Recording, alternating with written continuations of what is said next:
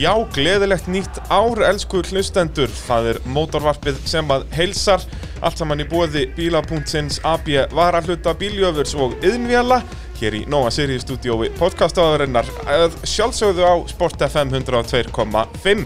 Ég heiti Bræi Þórðarsson og í þessum þáttum fjöllum við um motorsport á fjórum hjólum og gestur þáttarins er Haugur Viðar Einarsson, torfæru kappi, sæll og blessaður. Já, góða daginn og gleðild ár. Ég þakka þér sömu leiðis og eins og ég eh, segi, hlustandur góðir, eh, gleðilegt nýtt ár og eh, já, við stefnum á að gefa bara út ennþá fleiri mótovarp þætti árið 2021 og við náðum alveg 50 þáttum í fyrra. Haugur, það er nú alltaf að kalla þig torfæru kappa, þú ert bara tónlistamæður eða ekki? Jú, það er svona spurning bara að fara hægt að keira og Já. vera í tónlistinni bara. Það er svolítið svoleiðis, hvað, þú varst með eitthvað svaka áramóta tónleika eða ekki? Jú, jú, það er svona mikið rétt þetta spratt hugmynd að halda, halda svona smá game sko, ég gerði það nú í sumar að halda úti tónleika, það er alltaf akkurat. blúsandi COVID og engi mátti neitt og ég held bara tónleika á stjettinni heima en svo var svona hugmynd að stækka þetta enda nú bara hann þetta var sínt á stöðu að vísu og aðgengilegt á vísi.is og horfa á þess að tónleika og Já, fullt af flottu tónlistafólki þarna. Já, Regína, Ósk og Gunnar Ólafsson og Egil Kristjánsson og Svenni Þór og, og stór, stór, stór hljómsveit og akkurat. Þannig að þetta hefur verið bara líf og fjör. þetta var bara mjög skemmtilegt. Gott að byrja ári á þessu En já, við ætlum að tala um torfæru En ekki, ekki, ekki tónlist því miður Nei, mér er þetta svolítið gaman að þú ferir að tala um tónlistinu Já. og hversu djúft þú kemist með mig þar sko. Vera með, vera með tónlistarvarpið Ég veit ekki með það sko Ég ætla að leifa öðrum mönnum að vera í því sko Já, En hérna, þetta er nú í annað skipti sem hún kemur til mín Þú komst hérna með honum heimi snæ Rallkappa á í rauninni fyrsta sísónu okkar. Núna er náttúrulega sko þriðja seria á mótorvarpinu að byrja núna 2021 Ég já við komum þessu hérna bara í fyrstu svona, Bara 2019 vorum hérna eins og litlar turtutúr í stúdíunum drullu feimnir og þorðum alltaf að tala við þig Elskulegu drengirnir sko og það var svona þarna já, um mitt tímabil 2019 Já. þá varstu búin að enda í þriðasæti í fyrstu tveimur keppnunum það árið og, og, og varstu ekki þá bara, já, Þóri Þormari að stegum, ég minni það. við vorum ekki þrýr þarna, ég og Þór Já, og Geir. Og svo átti Ingo eftir að að koma í þann slag svona eitthvað setna meir en, Já, hann en, en náttúrulega mistu keppni þarna já, þetta er það tímabil sem hann sem sagt missir. Er það Akrani sem hann veitir ekki á? Nei, Akureyri þegar Alli Akkurat, akkurat. kefti á bílum Hún náði öðru sæti á bílnum. Öðru sæti. Fagur rauður á, á guttanum. Uh, þannig að mín pæling er bara að halda áfram þessum fráfa horfið og, og klára að tala eins um þetta 2019 tímabil og, og svo að sjálfsögða fara yfir tímabili sem var að líða núna í, í fyrra, verðum maður að segja árið Já. 2020 og svo náttúrulega verðum við að, aðeins að spá í spilin næsta tímabil og það eru nú miklar fréttir svona á bakvið tjöldin þar, eða ekki? það er alltaf eitthvað að gerast Alltaf eitthvað að gerast en eins og ég segi, þú varst búin að lenda þarna í þriðja sæti árið 2019 í, í eh, fyrstu og annari keppninni. Á meðan að sko Þór var 50 á hellu en svo var hann fyrstur á Akureyri. Þannig að þeir voru jafnir að stegum og Geirivert náttúrulega Nei, býtu, þetta er ekki tímabili sem að Jú, Geirivert vinnur á hellu þarna Já, alveg. vinnur hellu. Nær sínum fyrst á eina sigri þar. Þannig að þeir voru, það var allt í átnum fyrir Blöndós og í þar tekur þú bara fyrsta sætið. Það var bara komið á unnið. Já, ekki flókið mál. Hvernig, hvernig fannst þér svo keppni?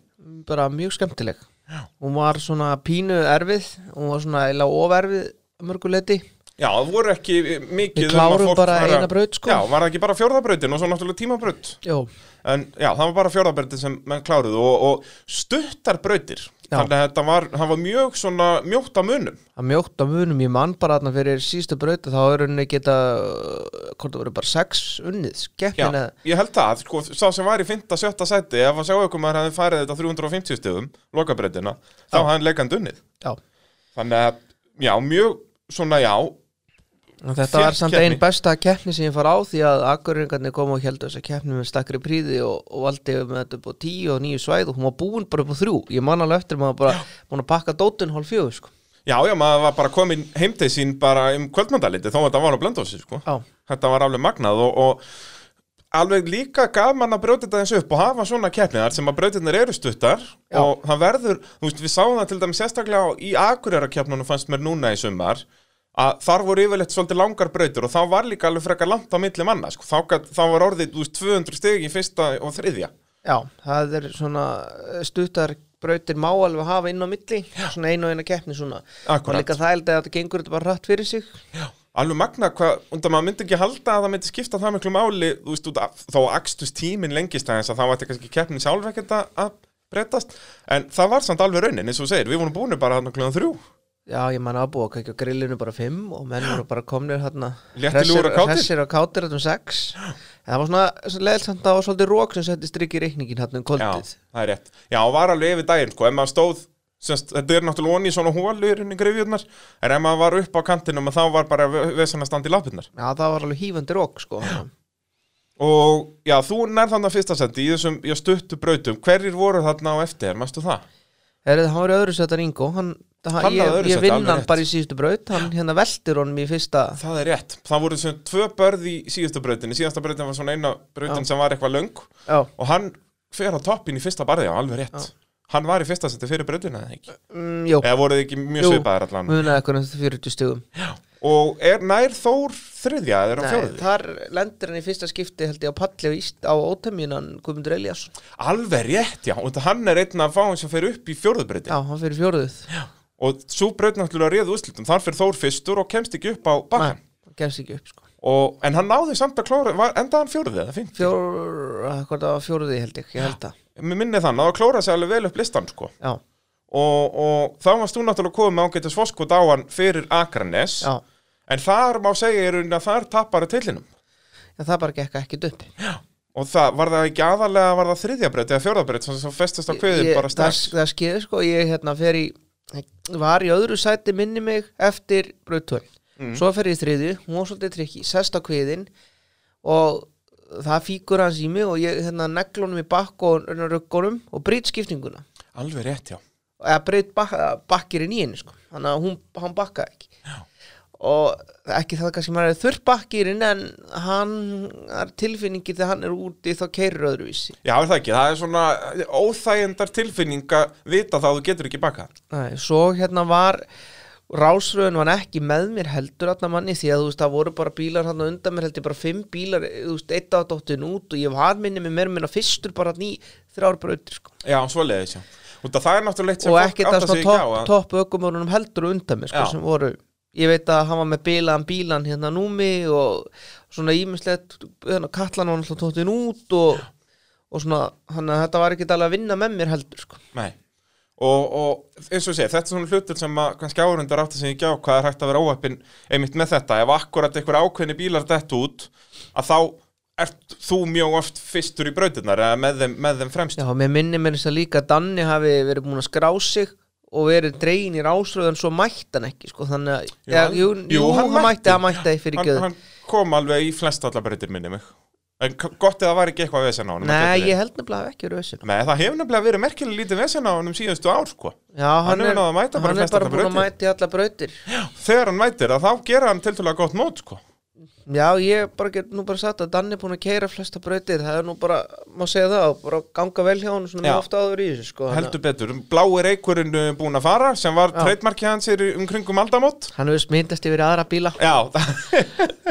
En uh, já, pín út út úr þar Já. sem að AB Varahlutur eru alltaf með uh, ákveðna spurningu hér til gesta minna en AB Varahlutur að sjálfsögðu Já, í Reykjavík, Egilstöðum, Akureyri, Reykjanesbæ og Selfossi með sínar vestlanir og það er hægt að kaupa já, allt milli heimins og örðar í bílinn. Það er ekki bara varahlutirnir, heldur líka allskins aukarhlutir og, og já, Bara bón og máling, ég nákvæmlega allt sem getur mögulega vilt og verkfæri og ég veit ekki hvað og hvað.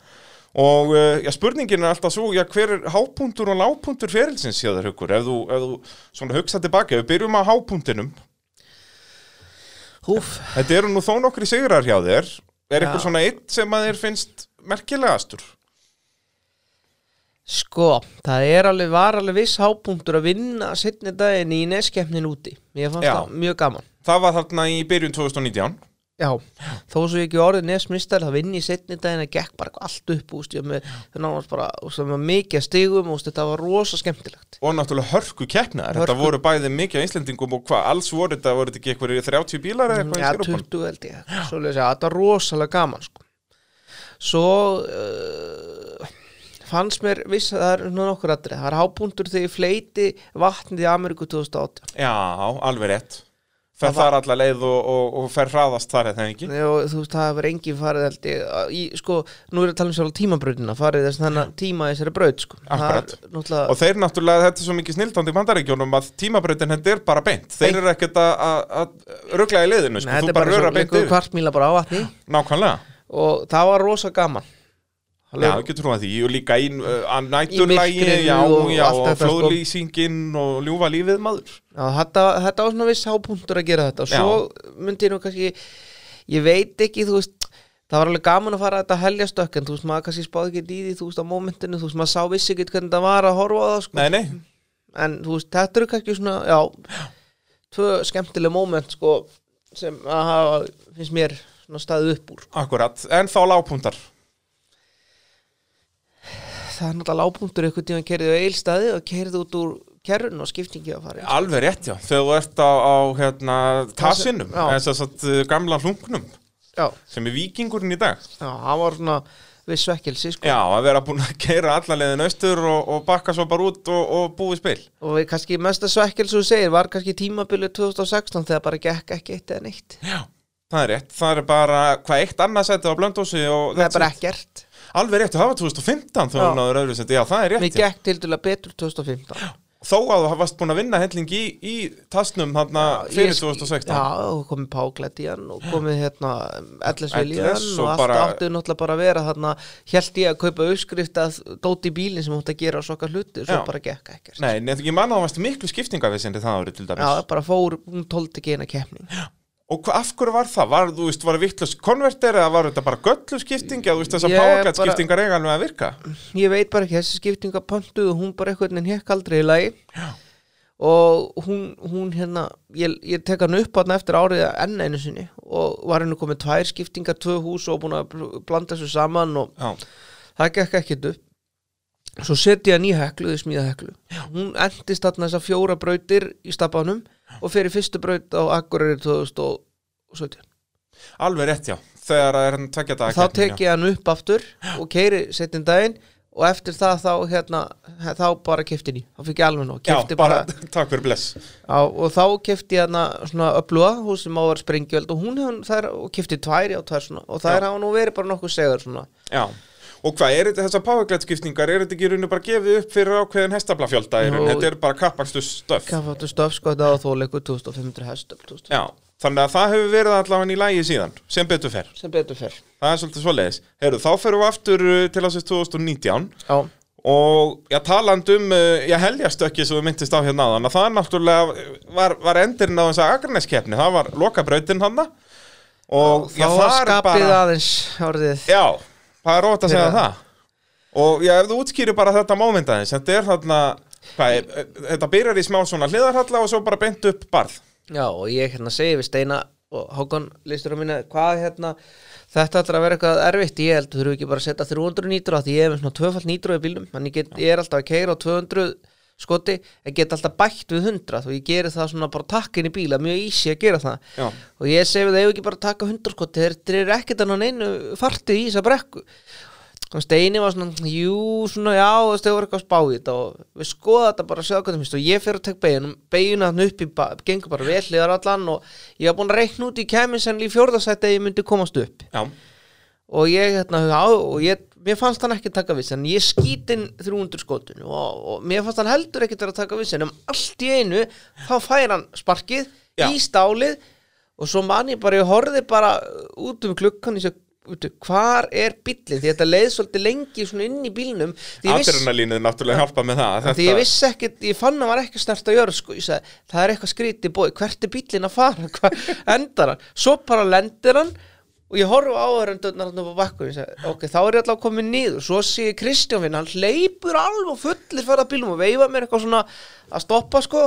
Og ég sagði, hvað rosalega Kristján finn er eitthvað æstur. Og svo kemur, er í lægi með því, er í lægi með því ég segi, já, hvað er þetta lægi með því og hann bara þetta, svo keiri og allir klappa rosalega og ég stoppa bílinn og ég man bara, ég tek beltin að maður kemur stein og segir hvað var þetta, ég, byrju, hvað var að gerast þetta, segi, ég segi bara, ég veit það ekki. Og svo bara fagna ég, svo fyrir þessu vídeos og þá svona kannski skilja hvað fólk átti við sko. Já, Það- þetta er bara, já, mjög ofalega á lista að mér hefur bara stærstu tilþrif í, í torfæri út af því að þú veist, síðan er náttúrulega erfitt að segja sko hvort að maður flokki þetta sem veldu eða ekki sko. Mm, Já, Þú veist, út ég að þú, þú veist, lend, ég myndi alltaf flokka veldu sem það sko ef að veldibúr fær högg á sig. Það fekk ekki högg á sig. Nei, þetta er svona eiginlega svona afturendin sko, ég teknilega myndi ekki flokka þetta sem veldu sko. Nei, ég held ekki. En hvernig, þú fekkst til þeirra velunni það ekki? Jú. Já, þannig að keppnishaldarar flokku þetta heldur ekki sem veldu Nei, ég fekk Akranis Akkurat, já, það er rétt. Og hérna En þetta var svakalegt moment manni og sem betur fyrir var ég alveg með fullt að myndavælum á þessari keppni sko en það sendi þetta út í einhverja ameríska fréttatíma og ég veit ekki hvað og hvað. ránaði með þetta. Já, heldur betur, þetta er ekta fyrir kannan Já. Og hérna, en þú vissir lítið hvað var í gangi þarna fyrir þú sást bara vídeo að þessu. Nei, maður átti að sig ekki á þessu svo sem Nei. En þetta var bara eins og að horfa á eitthvað fjastýrðan bíl eða eitthvað. Maður Já, bara var mjög átt að sig ekki á því að bíl sem er 1,5 tonn getur að hafa sig svona. Nei, þetta var mjög spes En það kannski líka útskýra það, þú veist eins og þú segir að hann var ekki að trakka neitt í rauninni þó að þú varst búin að skjóta 300 Ja, nítrónum bara ekkert inn á hann. En svo bara um leið, að þetta er svona gröfubarði í rauninni. Hann náði hann þar festu sko. Já, og þetta er svona eiginlega skál sem þú ferði Þetta er ekki bara brött brekka og svo verður hann aðeins brattar heldur ferðu onni svona Og litla svo náði ekki alveg stefni Ég ætla að vera álítið meira á hlið Þannig að hann Og það hafði, það hafði nokkrir reynt það í þessu Já, barði ég bara og, aðeins beigði hann maður mikið það því fór sem fór. Já, og varst komin svona sem sagt, neðarlega í, í hliðarhallanum. Þannig að þetta var í rauninni, þú varst að taka ste- stefnuna bara beint, sko. Já, Og þá er mitt, þegar þú ferð onni í þessa hólu þess já, vegna snýr hann sér sem og kemur sko öfuð tilbaka hann að frammendi snýra fólkinu því Já. hann, hann er skakku sko. Þetta er náttúrulega ekki, og svo var það náttúrulega líka heljarinnar, sko, svona talking point um þetta, sko, hvort þetta var tvöfald heljastokki eða ekki, að þetta er í rauninni, sko, tveir ringir með 180 gráðu snúning, sko. það er alveg ótrúlega að það er skeið þetta er maður, svona, svona þungu bíl geti gert Já, þetta. nákvæmlega, þetta er eins og við segja, þetta var eins og að horfa á eitthvað bara svona RC-bíl. já, já. og, og, en það er málið að þú farin á uh, trakkið, framhjólinn fá trakkum leið og þeir fara onni í þessa hólu eða þannig og þannig að bílinn loksins fær grip þegar þú ert bara komin í barðið og þá náttúrulega er það orðið á seint. Það trikk við að fara upp barðið er að byggja upp hraða og svo að láta nýjata barðið en ekki að vera byggja upp ferðina í barðinu. Nei, þetta var mjög svona Já, þetta var alveg ágættis endir en maður átti að náttúrulega geta að venda þarna lendi fyrir sjötta sæteldi allt og og þá voru þetta, hvað voru mörg stig á milli ykkar þórs fyrir síðustu keppna sem var ákveður? Var Ó. þetta fjögur eða fimm stig? Þetta var allavega þannig fimm sko, minni mig þú þurftir að vinna á Þóri þriðja ef að Þór hefði verið á eftir þér þá, nei, býtu, ef það var fimm stig að þá hefði það dugað en Þór vann fyrr, þannig að þá hefði var þetta ekki þannig að Þór hefði þurft að lendi þriðja ef þú myndi vinna? Mm, Jú, held að. Mér minnir það, þú Já. hefði þurft eitthvað á millið Þannig að ég snýrist, ég held að hann þurfti að vera í fjórða. Mér minnir að vera svo Já, svoleiðis alveg, þannig að þetta hafi verið kannski ykkur sjöstig Já, ég, en svo snýri ég stöðunni við Þannig að hann þurfti bara að vera í, í öðru þriðjasætt og ég í fyrsta sko, þá var hann unni, sko, sem verður svo raunin að eða sko, já, verður raunin Já, er þetta ekki sko, hann Gretar endar á að vinna á uh, köllunni Já, ég í öðru og hann í þriðja, það Já. dugði mér ekki Nei, þá hefði Þór þurft að vera í fjórða út af þú varst í öðru eða Já. svoleiðis. Já, akkurat, akkurat. En ef þú hefði runnið að þá held ég að Þór í þriðja hefði gefið þér titilin Já, Það er svoleiðis. Að það var svona það sem skeður svo í kjölfarið á akkurarkeppnin að það svo verður raunin að Gretar nær að vinna með hann í síðustu brautinni. Akkurat. Varstu á undan Gretara fyrir síðustu braut? Já, Var sem sagt fyrir síðustu braut og þá varst þú í stöðu til að vera meistari? Já, Já. svo náttúrulega bara það sem skeður er að hérna, það var bara þannig í byrjun Já. sem að maður bara, veistu, ég bara spáði, spáði við vorum svo mikið að spáði sem endi þarna allir, sem vill oft verða Já, að já. tófar okkur með fyrir að hugsa lengra ég man nú bara, þetta verður oft verið þarna eins og bara eilstum, mennur fyrir að skoða að börð þarna uh, sko, endabörðin Já, já og festast gleymast, svo gleymast svo fyrirhindrun sem kannski bara Akkurat. örfáur komast yfir sko. Og maður sér það eins og segir alveg rétt á eigilstöðum er það sérstaklega þannig að ma- maður er mikið að sjá þetta að bílar eru hreinlega bara ekkert að fara í lokabörn út að þeir eru fastir Nei, í hundrastega hliðinu sko. nei, nei, nei En þarna var það einmitt rauðin og þetta var mjög sakleislegt barð. Já, ég bara, það var samt brattar en ég held sko. Já, já, og þú náttúrulega reynir að fara beint í það, sko, síðan sá maður að flest allir eftir fóru bara, tóku stikun á 40 undir miðan bíl já, og já. fóru Og það er raunin það bara tillinum við að, já, á þessu fyrsta, já, litla barði og þetta raunin var svo nákvæmlega eins og árið áður þegar það var allir Jamil sem tapaði tillinum til Þórs. en svona er bara keppni sko. Svona er þessi keppni, sko, að það er eins og segir, ég, ég held að Gunni Trúður hafi alltaf sagt þetta með fyrsta barði sko, maður má ekki vera alltaf að missa sig með síðasta barði heldur verður líka að skoða hvernig brautin byrjar sko. Því það er eiginlega mikilvægur að skoða það því að þú fær, fær fástig fyrir fyrra barðið og þú fær það ekki upp en það Akkúrat. er kannski skárra að fá bara 240-50 stig og fær ekki síðasta barðið heldur en 50 heldur en að fá 80 stig, já, 90 sko. sko. það er alveg hárið rétt þannig að þú missir þarna einmitt af titlinum 2019, Já. hvað fannst þér svona vera helsta orsökin, þú veist, er það síðasta brautin á Akureyri, er það þú veist, fjórða brautin á, á Akarnesi, þú veist, er eitthvað svona Þetta er rauninni bara agraniskeppnin sem ég myndi segja og Já. kannski líka pínu hellukeppnin finnst mér svona. Já, býtu hvað, þú ert þriðji á hellu. Hvar, þar ferð ekki upp í fyrstu brautinni, mann ég? Þór er eini sem fer upp þar. Og svo hérna fór ég ekki upp í þriðju Alveg rétt þar sem að Þór fyrir sig Já. Það eru svona það, þau tvö helstu atriði sem að kostaði þar. Já, og Mýrin að klára hann ekki náttúrulega. Þannig að, að þetta eru svona Og þetta er nú bjútið við torfæruna Þegar slagurinn er svona harður að Þetta eru bara örfá svona moment sem að getur kostað mann titil Já, það er ekki fleiri sko. Uh, Þá skulum við fara yfir í 2020 tímubili En ef við ekki að byrja á að taka okkur örstu hlýja Já, Þið eruð að hlusta á mótorvarpið hér á Sport FM 102.5 Allt saman í Nóa Sirius stúdíói podcastaðurinnar í bóði AB varahluta, bíljöfurs og bíla.sins og svo er að sjálfsögðu yðnvélar að sponsa okkur líka. Þannig ef þeir vantar eitthvað verkfæri þá eru þeir með allt fyrir yðnaðinn á smiðjuvegi 44 rauð gata þarna á eh, smiðjuveginum. Og minni að sjálfsögðu á föstudagstilbóðin þar og hægt að skrá sig á postlista á yðnvélar.is Og talandum verkværi að, já, servismenn þurfa á verkværum að halda og þá langar mér að spyrja þau um svona bestu servisöguna sem að mannst eftir. Og þarf í rauninni heldur ekkert að vera sko þinn servis, heldur bara svona eftirminnilegast að, já, svona service moment í torfæru, eða svona þar sem aðstofamenn hafa gert eitthvað eitthva magnað.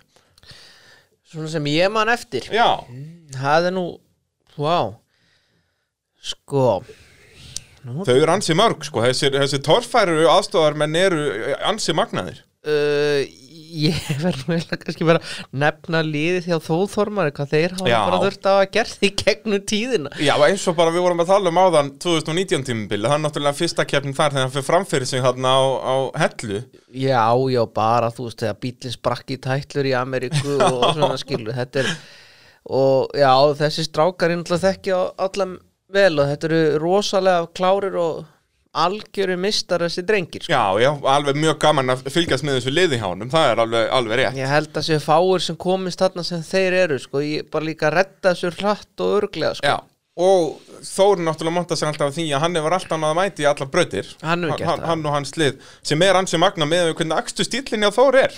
Já, það er ótrúlegt. Það er svolítið svoleiðis. Heyrðu, þá ætlum við að fara að tala um árið 2020 og svo náttúrulega í lok þáttar förum við að, spekulera aðeins með, með þetta ár núna, 2021 Já, En, en ef við förum yfir 2020 þá náttúrulega styttist tímabilið vegna þess að ykkur kynveri ákvaða að borða leðublöku. já, það, Það, bara var dásamlegt. Þannig að við byrjuðum ekki á hellu, heldur byrjuðum bara á eigilstöðum í, hvað var það, byrjun júli? Já, Já, lok júni, ég mann þetta ekki. byrjun, byrjun lok, nei, byrjun júli það var svolítið Já, er það ekki, bara eitthvað þriðja júli, já. eitthvað svo leiðis. Og hérna, hvernig varst þú svona stemtur fyrir tímabil? Varstu búin að gera eitthvað breytingar á bílnum með eitthvað svo leiðis? Í skiptum hérna á dempara Alveg rétt, já. Það var svona, ég í hann og breytti því Já, og hann var betri en já fann, fannst alveg breytingar á því? Já, hann var mikið betri Ok, en hérna, allt öðruvís ok. Og hvað náður eitthvað að prófa, þú veist, það er náttúrulega eitt svona gallinu í íslenska torfæruna að það er ekki mikið um það að keppindur sé að prófa bíluna sína. Nei, það er náttúrulega komin breyting á Nú er hann náttúrulega hafnafjörður búin að opna kákasvæði og það já, bara er það leggja- svoleiðis? Já. Er þetta, getur bara haft samband við Káka og bara, heyrði, ég þarf að Ég er fara að náttúrulega prófa? meðlumur í KK hann er mjög einfaldur mig bara að fara og rúla að prófa ég vil sko. Ok, þannig að það er, þú geti verið þarna bara á sama tíma á einhver driftæfing eða, eða ef ég sko. kvartmílæfing Ef og ég bara vil, verið að röra í brekkunum. Já, já. Það er geggjað, þetta er bara svona svip á akkur menn geta bara komið og prófað öðru klubnum og... akkurat. Það er snilt. Já, já. Og hérna, en þú náður þá vantarlega ekki mikið að prófa þarna fyrir eilstæði eða, eða hvað? Nei, þú ég var eitthvað búin að kera en það var náttúrulega ekki búið að opna þetta svæði þá og maður bara, þú veist, að keira út að hellu tekur tíma og maður er alltaf að hugsa nenni því ekki og en sko, já, ég var bara nokkuð vel stemtur en það sem er náttúrulega, þú veist, ég var ekkert alveg nóg bara, þú veist, ég var bara frekar klaufi allt á rólugarni í fyrstu bröðinni Já, sko, hvernig, við förum yfir í seilstæðakeppni. Var fyrsta brautin, var það Nei, það var, ekki, það var önnur braut sem var tímabraut Og fyrsta brautina þá byrjaði þetta á svona léttu barði Svo svona mjög krappur hliðaralli Og svo lokabarð. Já, ég kemst í rekstatn í borðan Alveg rétt, já, þú kemst ekki einu svona að alveg glöðalegt, sko, ég er ekki vanum því en Nei, Svo í tímabröndinni, þá hérna skal ég segja var ég bara að keira, sko, ég held reyndar, ég breytti stýrinu hjá mér, ég jók kringina og ég held að sem segi mig þá verra því þá voru svo mikið að gera á stýrinu að beigja honum að fyrir já, ég meina ef þú nærð ekki að græða því að þá er hún ert aldrei að græða því, er það ekki svolítið svo? Jó. Gerður þetta ekki aðalega fyrir tímabrautinnar að það væri sem sagt þægilegra að keira bíl Já, það bara var ekkit alveg svo leiðis. Nei, akkurat, og líka náttúrulega, já, kannski óþarfi að vera, að, sérst, þurfa að venjast því líka náttúrulega Já, þannig að það var svona ekki, svo fyrir ég þriðbraut. En hvað, breyttur þau stýrunu tilbaka eitthvað tíma? Nei, en svona? er svona, ég ætla að hugsa þetta, ég prófa þetta núna í vor, sjá hvernig ætla að prófa tvær mismundi gerði. Já, akkurat Og hérna, já, nýtir kákvæðsvæðið það að, að prófa þetta og sjá hvað, er, hvað þú fílar Já, En það er náttúrulega það sem fólk veit kannski ekki með svona stýri í torfæribílum er að þetta náttúrulega er bara þú veist eins og þetta var hjá þér að þá er þetta líku við bara, þetta er undir tveir ringir borðið í borðið það ekki Jó, þetta var orðið tveir núna held ég. Já, núna ertu með það tvo, en það var minna í rauninni Já, það var eiginlega bara betra. og þú getur ímyndaðir eins og í tímabrutum að, að út af því að þeir leggja svakalega vel á að þú bara minnsta hreyfinga stýrinu og bílinn getur snúist á puntinum sko. Já. eins og þetta var, en, en já, þú ákvæmst að breyta því en, Já, en sem var kannski út að enginn komst upp. Ég man að Ingo bara sestist náði framdekkjunum í gegn mendalið en ekki Svo það sem skeður hérna í kjölfarið er að það hérna það hérna skal ég segja þér var hérna í þriðbraut þá bara eðlast svo braut. Já, það er sko, Ingo náttúrulega náði langbesta tímanum í tímabrutinni og var komin alveg með 100 stega foskott, eitthvað svo leiðis og, og svo fer hann snemma í aðra bruti frá fyrstur minni mig. Mér, ja, minnir hann að fara annar eitthvað svo leiðis en eitthvað sem fór á undan hann fór ekki langt. Næ, Gæti verið eitthvað svo leið Og þar var það í mitt dæmi um að brautin var verri já, sem er mjög sjálfgæft í íslensku torfæri. Þú vilt yfirleitt byrja frekar aftanlega. Já þarna var hún bara ófær. Já, og hvernig lýsir það sér þarna? Þetta byrjar á svona Þetta bara smá leir- og smá barð. Já, leir brekka hún grófs bara inn, ég held að Óli bara hafi ekki komist upp og svo Aron og þeir bara byggu til ykkur svona hólu og það var bara úr stangaðar Já, og þá einmitt var það þannig að veist, þetta er greinlega bara spólfar eftir eitt svona dekk og síðan hafa allir farið onni í hólun og gert hann að stærri og stærri stærri. og hún var bara ófær. Þannig að þarna farið þú bara eitthvað hundrastig eða minna. Já, menna Ingo fær örgulega 200 stig sko Það, Já, neð 290 ábygglega, hann fær ekkert svo mörg refsistig Já, hann var nú með svolítið Nú, ok, já, hann fær kannski rúmlega 200 Já, hann, hann tók örgulega alveg 100 þarna hann var 250 stig í viðbót held ég Já, sem eitthvað svo kom leiðis með. En þá náttúrulega eftir þessa braut er hann komið með sko Næstu brau- 250 eða 300 stegan fórskot Næstu brauti, brauti fóskot sko. Og þá var nú ansi erfitt að reyna að fara að ná honum. Já, það var ekki hægt Það var bara að halda síni stöðu sko og, og þú keirir svo sem alveg bara mjög solid það sem eftir Já, er ég þessari bara gerði það bara svona sem ég þurfti sko. Ekki Þarna þessar, hvað, þrjár brautir sem eftir eru Já. mjög trikki brautir.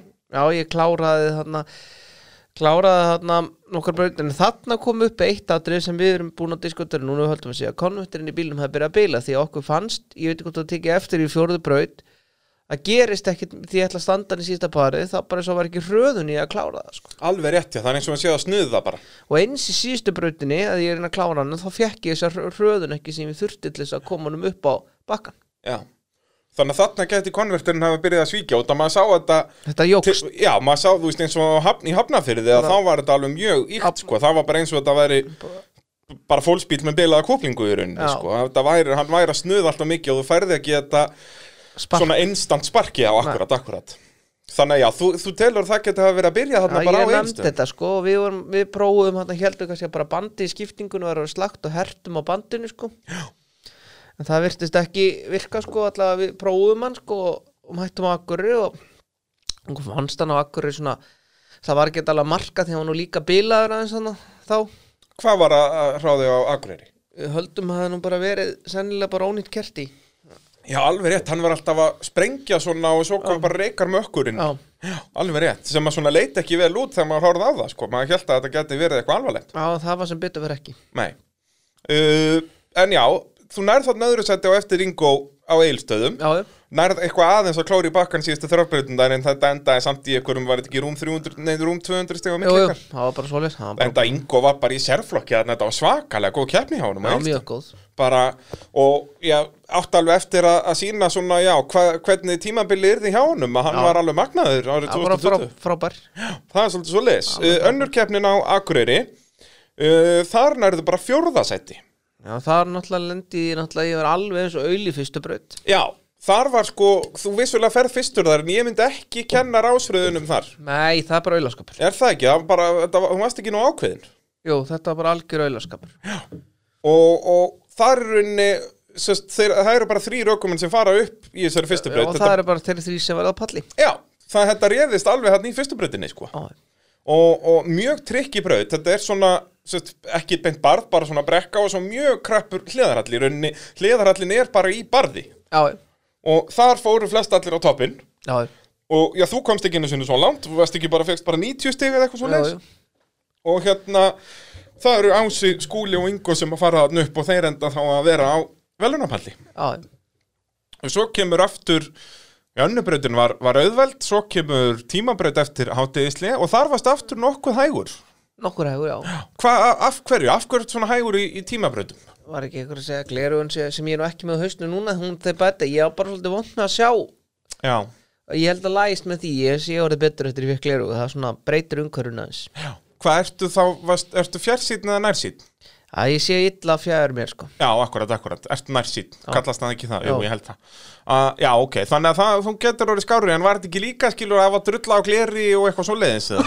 Já, það kannski gerist fyrir alla. það gerist fyrir fyrir alla, menn er misviðkami líka fyrir því sko Já, já. ég er með svolítið viðkami augu fyrir drullu sko Þannig að vonandi á þetta eftir að skána og þú varst svo sem alveg ágætur í tímabrautinni semst í setna er að keppni. Já, já, það var ekkert eitthvað stórfenglegt vandamál. Uh, en þar lendir skúli í vesinu með bílinn í Já, tímabrautinu. Var það blásara reymin sem er fór á Reiminn. þar? Já, reymin góða. Reymin Og hérna, þannig að þá var Ingo og, og Ási í rauninni bara svolítið að berast um fyrsta sendið þar á eftir. En Ási náttúrulega kemst ekki upp Nei, það Bröttubörðin er í ekki, endann, ég er nefnilega held að skúli hafi verið að berjast við hann Hann vinnur þessu keppni á skúli Já, já, en semst eftir tímabrautina þá náttúrulega var hann svolítið dottin út úr slagnum en skúli náttúrulega fer svo aftur í toppslægin í setnibrautunum, það skúli bara fer upp allar brekkurnar, Já, hann kláraði reyndar ekki fjóru braut Nei, kláraði ekki fjóruðinni hann kláraði síðustu tvær. Og Ási skýtur hann Ási í braut hann Já, og finnstu það ekki, ég held að Ási fari upp allavega þá í sjöttu og alveg rétt að hann fer ekki upp þar. og hérna En svo gekk ekki hjá Skúli sem endar á að yngorunnin vinna. eftir tímabrautin Nei, hann er alltaf, semst kemst ekki upp þessi uh, bröttu börð. Hann vantar alltaf aðeins upp á. Þannig að það er skúli sem endar á að vinna. Þannig að eftir fyrstu tvær Og ég var bara fimm stegum á eftir Ingo Já, það er svo leiðis. Ingo í þriðja og þú bara fimmstegum eftir. Já, Þannig að það hafi nú heldur betur, já, breytt tímabilinu á þeint punkti ef þú hefði náða að vera undan honum. það er svolítið fyndið að segja þannig að fólk átti sig á svona stöðu í svona torfaru, hvað mjótt á munum þessi fimm stig, sem eru nú ekki neitt í torfaru Nei. hefðu þau fallið ég fengið, skiluru bara hefði bara verið- oltið framfyrir með hólnum hana, þú veist, það er náttúrulega aldrei að segja ef í torfaru, ég ætla bara að gefa dæmi Já, já. þá hefði það breytt stöðuna ég hefði unnið hann Já, já, eða bara farið sekundur það er í tímabröndinu eða minn en það með þessu. já, já. þannig að þú veist, þá hefði maður unnið hann jafna stöðuna og þá hefði farið jafnir inn í síðustu keppnina Já. og það er bara það í þeirri keppni sem þetta er að koma að hann, hann fer upp hann að frekar á fjóruðubrautin Var en ekki ekki fjórða frekar en þriðja? þar, þar tapa ég fyrir honum í þeirri keppni sem hefði þá þýtt að í hafnafyrir keppninu hefði ég verið hérna skal ég segja þér hefði ég verið hérna skal ég segja uh, er- þremur stigum undan honum. Þá hefði þetta verið ennþá jafnara, sko. já, Þannig að jú, það er alveg eins og segja og, og, og maður náttúrulega fer alltaf inn í keppnir hugsandi um hvernig staðan er og svo leiðis. já en ég bara segja að þetta er svo rosalega mjótt á munun Akkurat, alveg 100% og, og eins og segi, það er skúli sem vinnur hérna á, á Akureyri Ási annar, Ólsegur þannig að þannig er hann svona komin aðeins í slægin var hann ekki, nei hann náttúrulega lendir í þessu öxlavesin á eigilstöðum þannig að hann er ekki í topp 5 nei, hann var ekkert í því nei. en þú veist, átti samt alveg, var alveg inn í svona titilslagnum eftir þessa aðra keppni sérstaklega vitandi að það væru bara fjórar keppnir. Já, já, þannig að já. hann getur allt gæst í þessu. En við vissum það náttúrulega kannski ekki eftir aðra keppnina eru bara fjórar. Nei, svo sem ekki, þá vorum við ennþá með vonur um að yrði á Akranesi eða það ekki og hellu, nei Já, það ætti að vera hella hann í byrjun september. Já, já. Akkurat eins og var bara hér í gamla daga það var alltaf, Alltaf síðasta umferð á hellu þannig þetta er alltaf annarkvort fyrsta eða síðasta, er það ekki eitthvað með Anna, að, það, fá ekki leiði yfir hásumarið, má ekki meiða lagsinn maður. Myndið þú vilja veiða lax sem var með ausu, já, hvað, af hverju ekki maður?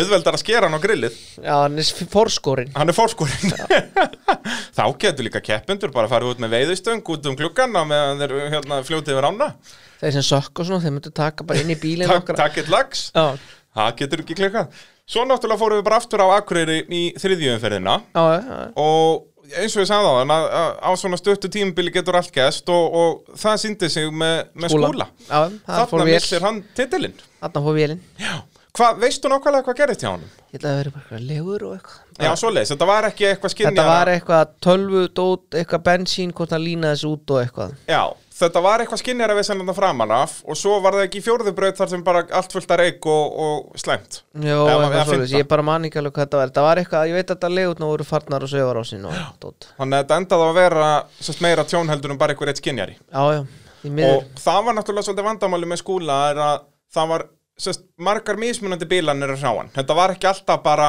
reyminn eða einhver skynjari Nei, eða... Þetta er búið að vera svona smá leiðend að sagja á kallgreinu Hann er búin að vera í tvö ára og þetta er svona ennþá hálfgert basl En ég ætla nú að Já, vona en- læst Já, þú veist, ég trúi ekki öðru. Og maður sér það líka um leið og bílinn er í lægi að þá er hann á Bara palli flott. ef hann er ekki bara í fyrsta seti Það bara flottur aukumæður bara alveg magnaður. Og hérna þetta var svona, já, veldu keppni mikil hjá honum Ása. Hann tekur þrjár veldur í sex brödu Og hvað er líka bílinn sinn svona í restina bara? Já, það var svakalegt, við tölum kannski aðeins um það hann í, í loka brödinni, þetta var ég harkalegast að velta ársins. Já, já, það er eh, einhver blöðum að fletta þar og, og hérna, bílinn fer hans ítla hjá honum. Já, hann bara fyrir mjög illa Hann hásingar og alls konar dót sem er bara í steik hann eftir, það velti búr og Já, sérst, aftari parturinn af veltibúrinu bóknaði allur og það þurfti að smíða það, það var bara bílinn var tekin í frumeindir hann það eftir. Já, Það er bara svoleiðis. Uh, fjórðabrautin var svona, já, brautin sem gerði upp þessa keppni, þar kemst þú ekki upp. með ég fór minni mig með framalegana líka Já. En það kannski, þú veist, myndur þú segja að það hafa áhrif, þú veist, eins og þarna á. Akureyri, sérst, upp á barðið sjálft kannski breytist ekki, en, Nei, en maður kannski veit ekki hvernig það var. Það var mjög hátt niður, ég er náttúrulega búin að velta allavega já, þú þekkir þetta. Þannig að það er ekki spennandi og maður, Nei. vill, maður, vildi, maður vissi ekki hvernig að tækja móti bílnum. Svo sá maður það náttúrulega þegar að hinni fóru það hefur verið gott að sjá eitthvað dreina það undan sér Akkurat. Og, og hérna og kannski sjá líka aðeins hvernig það var aðalega hvernig menn voru að fara í barðið. Menn voru náttúrulega að taka svolítið víða línu þarna Já, meðan að þú svona varst eiginlega í ég, hlýðarhalla ég er náttúrulega ekki. las teikninguna þannig en svo greinlega mátti bara keira þarna allan bakkan sko, Já. að var og svona fá betra tilhöfn náttúrulega þá er auðveldar að komast upp. En þú veist, ef var þetta líka þá þarna að konverterinn er farin að svíkja Já. meira og, og svoleið þú sér það, bara leiðu hæja og það bara næra hann ekki að sprengja sig á stað aftur og en af hverju var það ekki skiptum en konverter voru þið bara ekki vissir með þetta þarna á þessum tíma? Nei, og svo bara var þrjóska kannski að klára bara tímabil, þetta eru dýr stykki og sjá svona, þú veist, mikið mála að rífa þetta úr og Já. við bara svona átókum bara sjensin að þetta væri hvort þetta, þú veist, bara ættum að prófa þetta en við erum búin að sjá þetta núna þetta Já. það er eins og segir að þetta er, þetta er ekki ódýrt Nei, svona heilt yfir finnst mér kannski bara ekki að hafa farið jafn mikið all inn í þetta ára eins og ég gerði 2019 ég var bara eitthvað neður rólegri og Já, hvað er ykkur ástæða fyrir því? Bara svona almennt bara, vildur aðeins slaka á eða? Æ, ég held að bara verið kannski smá þreytt í mann, ég veit það ekki svona alltaf bara búið mikið að gera sí- árið á undan í bílnum og Já, svona já, það tekur á, Ef maður ætlar að keiri sem maður keiri 2019 þá eru vinnustundunar gríðarlegar í Já. bílnum sko.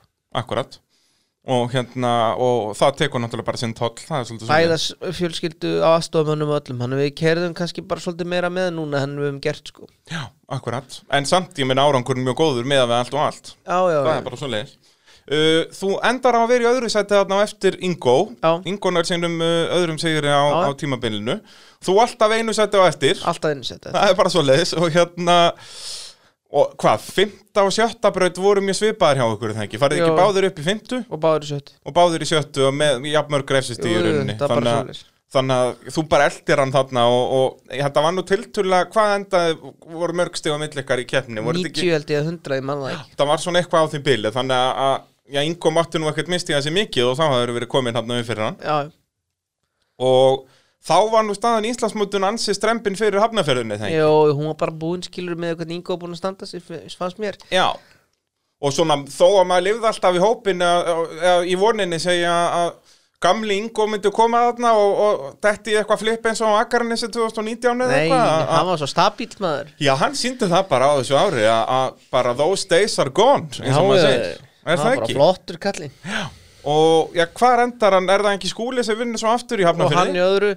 Var Já, var Ingo í öðru, já, akkurat, og þeir var- fara tveir upp í hérna, fjórðabreytin Já, svo var ég hérna í þriða svo náttúrulega bara ákvaði að gera eitthvað nýtt hérna í síðustu. Ég er náttúrulega alltaf svona fyrir það að gera eitthvað öðruvís Já. ég hendat eitthvað hérna sniður eftir að vera reynd að fljúa inn í brekkuna og Það var nú alveg magna, var það ekkit óþægilegt? Þetta er nú svakalegt högg sem að fer hann framöndan nei, þetta er allt í leið Þetta voru engir, engir svona beltaför á nei, eða eins og leiðis, bara, bara gott í þessu. Já, já.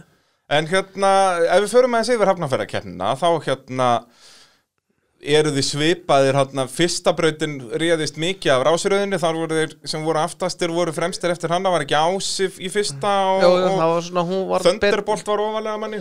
Jú, og svo veltu við Ingo báður í setni Já, nákvæmlega eins. Og Þú talar um að þú hefur gaman að gera eitthvað öðruvísi, af hverju gerður ekki eitthvað? Ertu ekki á eftir Ingo þarna alla Jú, keppnina? ég var nú bara, veit ekki okkur ég gerði eitthvað. Það fara hinum með í hérna, ég veit ekki Þetta var En þú veist, ég skil af hverju þú fóst sömu leið, þú veist að Ingo var mjög nálægt í að komast Já, upp. Þannig að maður skilur, ok, ég bara fer aðeins hraðar eða, eða hvað hva, Ég ætti bara að fara aðeins ofrætt þarna. Það geti verið. Og, og þannig að þið veltið alveg nákvæmlega eins sanna, Já. farið hægra megin í brekkuna og, og síðan upp á vinstir hliðina. Já, og já, það sýnir kannski að þetta bílar eru nú svipaðir. Og þeir já. haga sér svipaði í brekkunum. Svo kom hann þriðja braut og það var bara ekkert grip. Já, þar fer enginn upp fyrsta stall. Nei, bara í brekku, skilja, það var skrítið bara, menn spóluðu bara í leðinu, Já, já, Þetta er var alveg magnað og, og það líka, þú veist, fannst mér gaman út af að vorum á nýju svæði og fólk vissi ekki alveg hvernig bílarnir byrja að haga sér, þú veist, sumstaðar var alveg svakalega mikið grip og annar staðar eins og þarna í þrjöðubrautinni þetta er eitthvað svona smá hliðarhalli og svo bara upp brekku og það bara gerist ekki neitt. Ekki neitt. Það er bara þannig að- að staðan er ennþá svipuð þarna mill ykkar, þarna eru þeir sem voru ofarlega í, í fyrstu brautin aðeins farnir að dragast aftur, úr, og svo kemur fjórðabrautin Já, þar komast þeir upp og ég Já. beint á kviðin og hvað hva var vandamálið þar? Vandaði bara meira hraða? Ég vil meina að sé bara að þú veist þegar byrjum að vinna með bíl sem er þannig að þú þarft að vera í botni til þess að snúi hjólunum svo bara slæmar hans af og þá er bara stopp. Já. Og það er bara konum með þeir mál vil ég meina sé vandamálið. Já. Eða svona mikil vandamál allavega. Já, maður sá það alveg að hann var að snuða í rauninni. Það, þú gefur, það kemur fullt að háfa það en engin snúningur að dekki Æ, þannig að, að já, það kostnaði þarna. Líklega. Og þannig ertu náttúrulega búin að tapa ykkur um já, 150 stegum á þá tvo Já, það Ingo. bara búið, svo tók maður bara tímabrautina bara svona eins og maður gatt Já, þessi tímabrötn hann á algjör drepp. Það var það er, þarna held ég að þeir áttu bara að gera eins og þeir gera á Akarnis Svæ, Já, svæði býður ekki upp á tímabröt, bara sleppa því. Nei, fólk hefur ekkert gaman að horfa eitthvað svona. Já, eða þá bara gera, það hefur nú oft verið talað um það að, að hafa bara sandspilnu sem tímabröt Ert þú hlindur því? Heldur Já. að það verið gaman? Það var auðvitað stuð sko. Þannig að þeir eru náttúrulega með sandspindubröð þannig bara hliðin á. Það var gaman að gera það endið í sandspilnu gera það bara, þú veist, heldur að flestir myndu þá fara í, þú veist, að að gera bílinn afturdrifna og alls konar svoleiðis eða Nei. bara, nei, myndi ekki nennan því Kanski setja minni dekka framann og, og, en það var alveg gaman og Já. hafa sérst alvöru sannspilnu sérst og vera með tímatökubúnaðin og allt Já, þetta, já. sko, þannig að þetta væri bara millisekundur hann að milli að þurfti þá að breyta stegagjöfuna þess að hafa þetta Hver ýktara. millisekundur er þið tíu stygg Já, í staðin fyrir að það væri sko hver 0, er það ekki 0,1 sekunda sem er tíustu núna, Já. ég held það hann breyta því í millisekund Það er gaman sko. það var mjög gaman held ég sko. Ég var til að prófa það. Já, sérstaklega á, út af því að maður sér það að þið torfæra kallarnir hafi nú gaman að því að mæti í sandinn. Já, að hérna, um að gera að- blanda þessu bara svolítið saman. Allan að sjá hvernig það kemur út. Deyringin við að prófa það. Ég var alveg til í þetta Þetta verið geggjað sko. Já. Svo kemur síðasta brautin og það er mitt þetta byrjar á svona litlum hól og onni hólu og upp brekku Þar ætlar þú að sleppa hólinu Já, bara. Það er ekki best að sleppa þeim bara Jú, fljúa aðeins? eina vitið. Hugmyndin var góð, fannst mér sko. Ég veit að leit kannski vel út. tekist yfir fyrstur. Kannski, já, heldur að brekkan hefði verið búin að breytast eitthvað Já, eða? búið að kæra hann svolítið niður sko. já. Þannig Þetta að þar var það aftur og þetta var í rauninni ekki bar, heldur bara brekka og menn voru að festast og þá náttúrulega myndast þessi stóru hólur í rauninni. Jú, jú, og, og þú framhásinginu þeir hefur fundið eitthvað af þessum hólum já það er bara svo leis en, en líf og fjör, en þá náttúrulega nærðu bara fymta sæti í staðin fyrir að vera þarna kannski þriði, Það fjörði er- Já, mér var svo sem alveg saman, þú, hann var búinn að vinna Þetta skipti ekki öllu máli skilur. Já, nema náttúrulega að þú missir af öðru sætinu í mótinu, en það kannski skiptir það heldur engum skiptir múli. einhver máli þú veist, það er bara eitt fyrsta skilur. Já, nákvæmlega, það, ma, engin mann hvort þú varst í öðru eða þriðja, það mun allir bara hvort þú varst í fyrsta.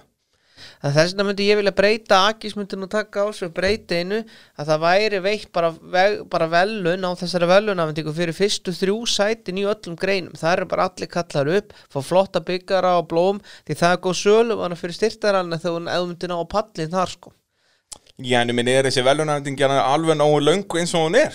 Ég, það er svo þetta mótið annað mál skilur Vera með hérna, þú veist, eins og í mikið greinum eru kannski fjórir, fimm flokkar og, og þá er þetta komið bara í 20 manns Það líku. þú eru að vera í Ameríku þegar voru síðustu getni þegar voru að nefna aðstofamaður í brekku álsins og eitthvað og hann var að þakka mömmu sinni og guði og öllum fyrir það Og biblíun og Jésu og, þetta- já, já, já. Já, ég veit ekki, ég er nú ekki samfélagar hérna að það ætti að vera að veita velun fyrir sá sem eru í, í, í fyrsta seti af lúsirónum, sko. A, a, það er bara einn Íslandsmeistari og Já, sitt, ég, sko. þú skilur, ég, ég voru að segja, þú veist, meðan er svona, skilur, þá er Já, ég er hérna myndi ekki, og ég held að það þekkist heldur ekkert annar staðar, sko, að það sem verið að veita velun að þú fáir silfurbyggar fyrir að vera öðru seti í Já, ég veit sko. það ekki Það er ég.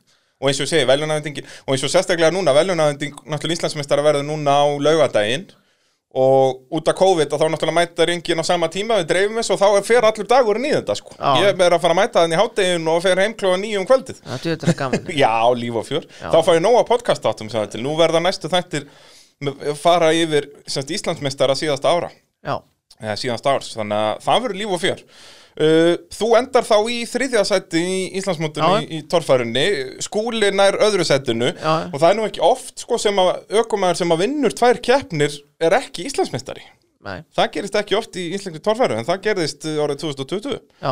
Því að þeir, það voru fjóra keppnir, skúli vinnur tvær og Ingo tvær en Ingólu Guðvarason þvílík tímabil hjá honum. Hann bara Mr. Consistent Já, en ég er samt alveg vissum það að skúlið ekki bilað, þannig þá ekki bara orðið mistari Ég held það, hann tapar þarna hvað, átján stigum Já. á, á Akureyri, ég held að nái tveimur eða jafnvel einu bara. Já, og með minnar að munurinn hafi verið minni en það af þeim, ég er svo sem ekki alveg með það á hreinu en það hafi verið mjög tæft. Já. og hafi verið geggjað að bara þið að hafa ykkur alla þrjá í slagnum en heldur uh, uh, leiðilegt að missa skólaðan út. Já, það er verið gaman sko. og taland um, uh, já, hversu slagurinn já, gæti að það verið skemmtilegur að þá náttúrulega næsta dagskrá bara tala um, um framtíðina 2021, ef við ekki taka okkur pínu pásu fyrir það? Jú, getur gert það Þeir eru að hlusta á mótorvarpið hér á Sport FM 102.5 Ég heiti Bræði Þórðarsson og með mér í þættinum í dag er Haukur Viðar Einarsson sæll og blessaður torfæru kappi. Blessaður. Alls sjálfsögðu er þátturinn í bóði AB varahluta, yðnvjala og bíla.sins og svo að sjálfsögðu er komið að spurningu dagsins en þar er það bíljöfur sem að vilja alltaf fá svörin við spurningu dagsins. Ef þú ert í einhverjum vandræðu með eh, bílinn að þá um að gera skellunum upp í bíljöfur hvort sem það sé bara undirbúin fyrir skoðun eða hvort það sé vélaljós í gangi eða hvað það er að þeir ja, eru með allar eh, viðgerðir mögulegar hvort að sé bara að skiptum bremsuklossa eða taka upp sjálfskiptingu eða hvað það er. Og þeir sér hafa þessi Jeep, Dodge og Chrysler og er á smiðivegi 34 þannig um að gera að kíkja á, á þetta dýrindis fjölskyldu fyrirtæki hann í Kópavoginum en spurning dagsins haukur er þú lendir í fyrsta skiptið á velunapalli í torfæru á Blöndósi árið 2015 hverjur stóðu á velunapallinu með þér? Snorri Þór Já. Þú ert hann í öðru sendi, Snorri vinnur Snor og hann Guðlaugur Sindri Helgason Þú ert, heyrðu, ég held að þú sér bara fyrsti gestur sem ég fæði sem að svara spurningu dagsins rétt Já. Til hamingi með það Þá, býttu, færðu, þá svona? Woo! Maður er góður á tökkunum í Nóa Sirius stúdíónu Þetta er bara hár rétt hjá þér. Ég var ekki, ég vissum að við væri með gulla réttan hann sko. Ég þurfti alveg að fletta þessu upp sko. Já, Hann var ólsegur á, á galdragull þarna. Leiðilegt að hann er ekkert að keppa mikið meira núna. Er leðilegt Skemmtilega Hvernig er hann, hann á ennþá bílinn eða ekki? Ég held það, jú. En er hann kramlaus? Já, ég held að það verið búið að rífa. Hann átti ekki að fara að smíða bíl En það er bara að Það glemtist að smíða bílinn. Það glemdi að smíða hann. En ég, það er bara um að gera vonandi að hann fara að koma aftur. Það er bara svoleiðis. En má ég spyrja þau vilinn Já, þú mátt spyrja mig að hverju sem er Hver var fyrsta keppnin Og hvað ár var hún sem Bjarki Reynis kefti Það var uh, í Kollafyrði 2001 Já, rétt hefur Það er ég man þetta bara mjög vel út af því að hann faði minn átti var að keppa? Já, og hann átti sitt besta moment í torfærin í þessari keppni þegar hann veldur hann aftur fyrir sig. Alveg rétt. Í annari braut. Þannig að hann fekk sem sagt þannig er Bjarki ekki búin að kaupa villi sinn. Hann er með hann í Láni. frá Hrólfi. Hóli, Já, Hóli Borgarsinni, já og hérna, þannig að já, já, ég er eins gott að ég vissi svarið við þessu. Þá, þetta er, maður verður að vita svörin ef maður þykist vera hérna sérfræðingur Annars hefði tekið svolítið illa hann sko. Já, það hefði verið skellur. Heyrðu, 2021 Já, Hvernig eru, já, þú ert með helgarinn að plön fyrir næsta tímabili, það það er ekki? mikið plun Hva, hvað er í, í gangi í skúrnum? Heru, Það er vantarlega svona nýtt hjarta sem er að koma. Já, það er ekkert annað. Það er eitthvað sem að okkur langar að prófa að gera bara svona Hvað, ný vél Já. í, í hekluna? Já, Uh, af hverju? Er kannski fyrsta spurningin? ég veit það ekki Er, ekki eitthvað, bara- er eitthvað að þinni vélinni? Nei, nei, ekki, bara ekki nokkur skapað hlutur Þetta er ekki bara einhver tippakeppni eða eitthvað í manni að vera alltaf að stækka við sig Og hva, hvernig vél er þetta sem er að, að koma? Herðu, þetta er bara Big Block Servolett Já, bara eins og menn notu henni galanda nema þessi vilja öll úr áli bara allt úr, allt úr áli. Og það er henni búið breytinu þannig að sko, hún er komið með svona millet eins og var á ellisvélinni svona sem snýr aftur og spísa og allt óti sko, en þetta er bara jafn gangu í stofu ellistótið er að vera það skilur Já. og hún er 598 kubik meðan hinn var 427 þannig að það er hérna og á að skila svona um 1200 hestöflum það er ekkert annað. Á- Me, Með nýdrófi og öllu Nei, á saman nýtró. Það er án nýdró á nýtró, hún á að geta tekið við svona 600-700 hestöflum í í og á þetta. Það er ekkert annað. Já, Og ætlar að vera með nýdrókerfi sem verða hann eitthvað 500 pluss hestöfl eða, eða nei, það er nú ekki planið. Hún er planið að reyna að kera sem minnst á nýtrói. Já. en kannski vatni og hell svona, skjóta, Já, skjóta ykkur á þetta. gera, skjóta aðeins inn á þetta. Ha, ha, Hafa það til staðar ef, ef að það þarf Já, við erum að gera eitthvað sjó svona, kannski enda hann bara á hellu eitthvað e, Eina vitið sko Þannig að það verður svona þórir sjött stemming hjá þér að þú ætlar að vera með fulla hestöflum en ekkert nýdró Já, svona, svona vonandi það virkar sko. hún sett hann upp í elina og eigi nú kannski getur þurfa mikið nýtró sko. Þannig að þetta er, og þetta er bara keppnisvél er það ekki, sérsmíðu vél Jú. Alveg eins og vélinn sem ert með núna það er svona keppnisvél sem er Já. byggð á LS í rauninni já, Þetta er rauninni svipað konsept nema Já. þetta er byggt á Á Big Big Block Chevrolet Já. Og já, eins og ég segi, ég spyr aftur þú af hverju, það er alveg nóg afl í heklunni finnst mér. Æ, mér finnst bara svo leðilt að allir eru að fara út í svona allir svo nýtur og þá er fínt að breyta til og gera eitthvað annað. Og eins og ég segi, meira sjó og, og, og skemmtilegt. Það er sjó fyrir áhörundur og svona. En þetta náttúrulega, þá þarftu aftur að fara að venjast bílnum.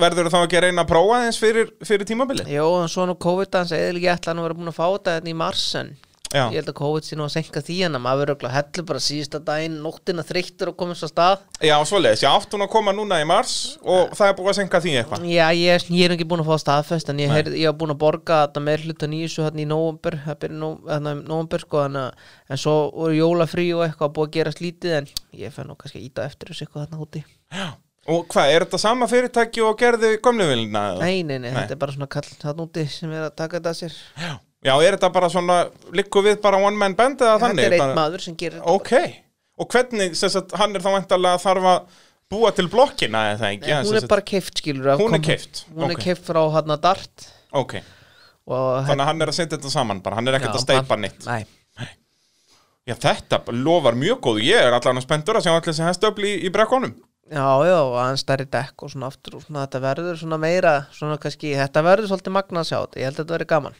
Stærri dekk, segir Já, ég er náttúrulega minkaði aðeins en ég hugsa þurfa að stekka það aftur bara til þess að- aflið? aflið sko, hann Hvernig eru þessi dekk? Er, þetta ekki, er ekki vinsalast 33 tommu í þessum ausu ég er með 32 núna, ég ætla að fara í 33 ár Fari í og 33 vera með kevlar í auðsum Já, það er svo eitthvað, já, þannig að þetta verður bara líka við bulletproof bara. Þetta er bara eins og, hérna, já, skoteldu vestin Já, það er hérna skal ég segja kevlar er, ég er svona skil ekki alveg okkur Íslending eða við strákan þegar við erum ekki að nota kevlarnar aðeins meira því að þá gefur auðsan ekki eftir. Þú sér það bara í sandspilnu að þeir sem eru með kevlar þessu fyrir alltaf hraðar heldur en þeir sem eru ekki með sko. Já, en ég meina, er þetta ekki rán dýrt? Jú, Er það ekki aðalástað fyrir að við erum ekki að nota þetta? já, það getur vel verið. Það geti verið, sko. Uh, Má ég spyrja það hvað svona keppnisfél kostar?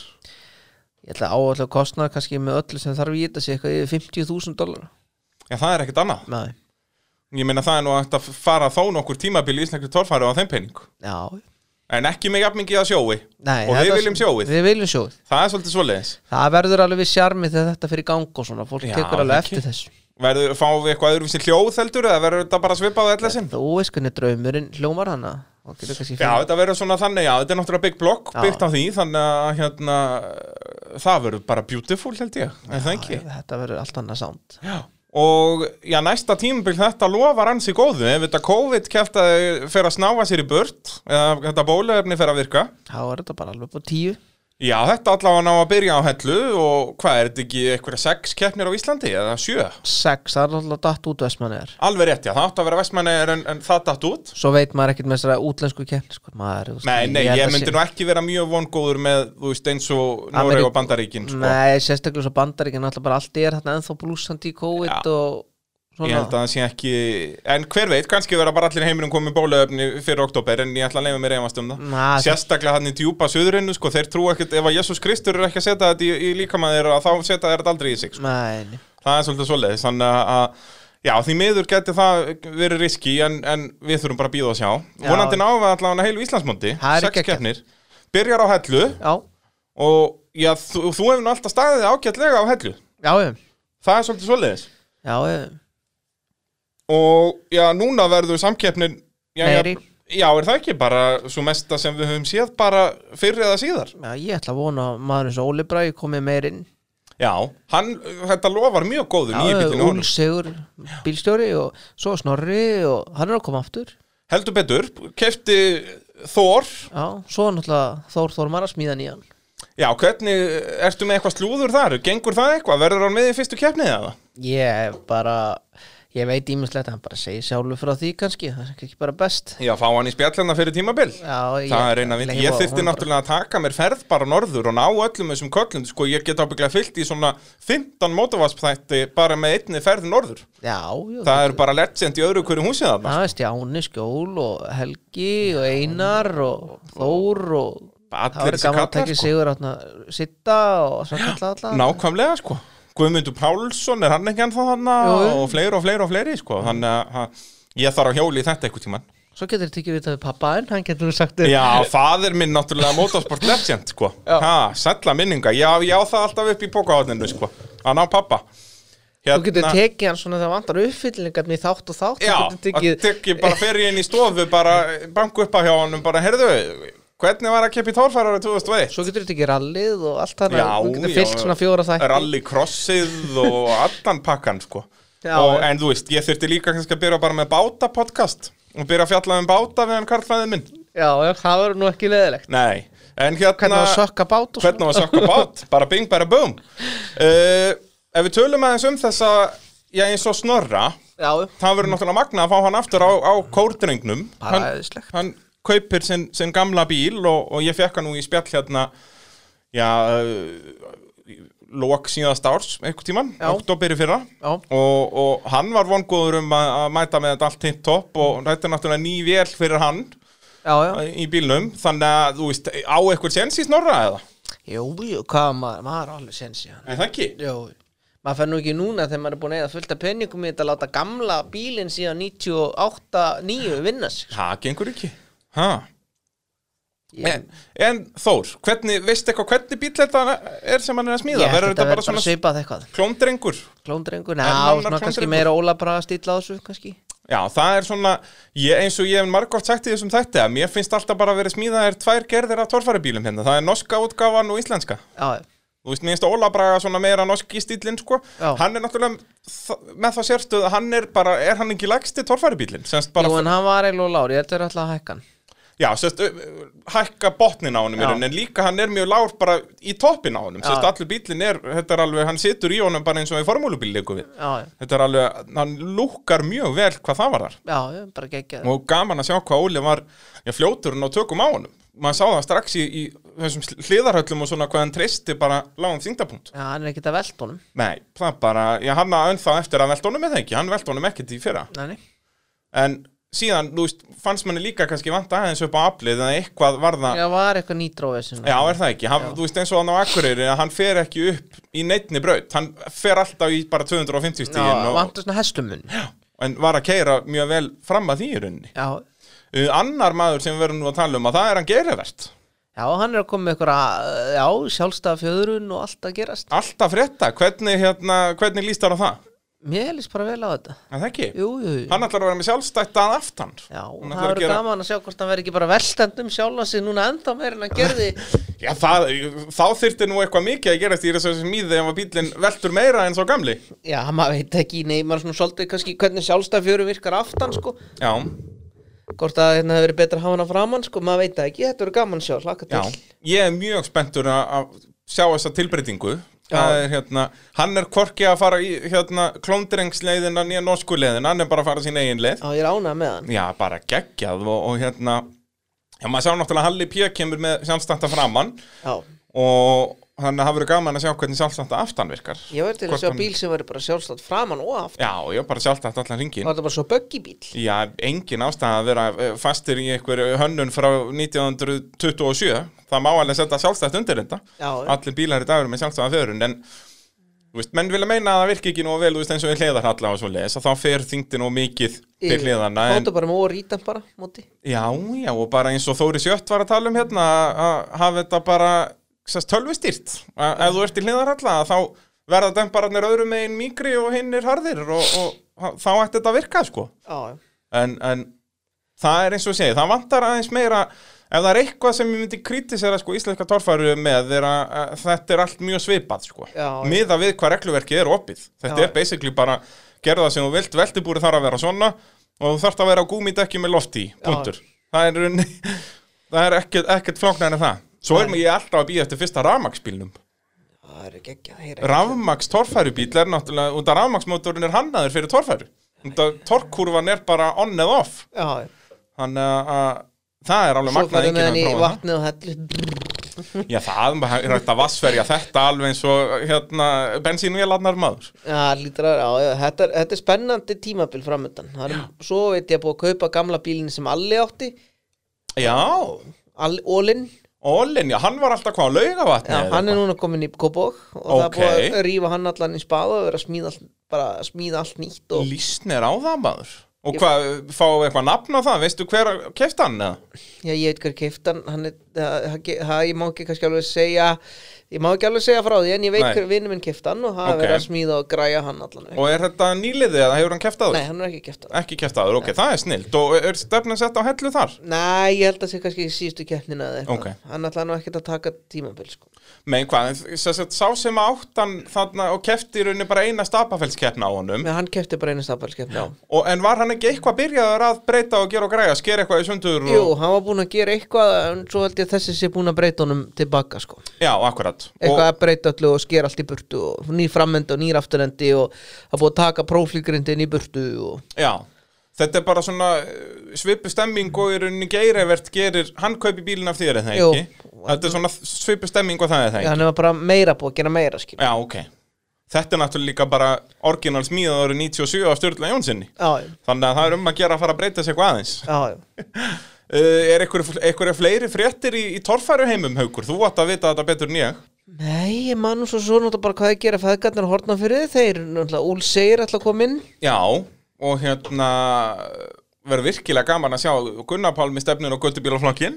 og hinn og sérum búna, svona eitthvað Já, Jón Vilberg segist nú ekki alltaf mæti allar keppnir samt. Nei, svo er spurning með hérna er ekki eh, Bubbi að smíða bíla Jú, hvað, já, mér heyrist á honum að það hafa bara að fara í, í, í fjöldaframleyslu við, það hafa að fara að smíða marga bíla. Já, já, Það verður helvit áhugavert og náttúrulega gaman uh, núna þegar að kallan eru komin í, í fullkomin lag að að sjá hann taka heilt tímabil. já, já, Það verður líf og fjör. já, já.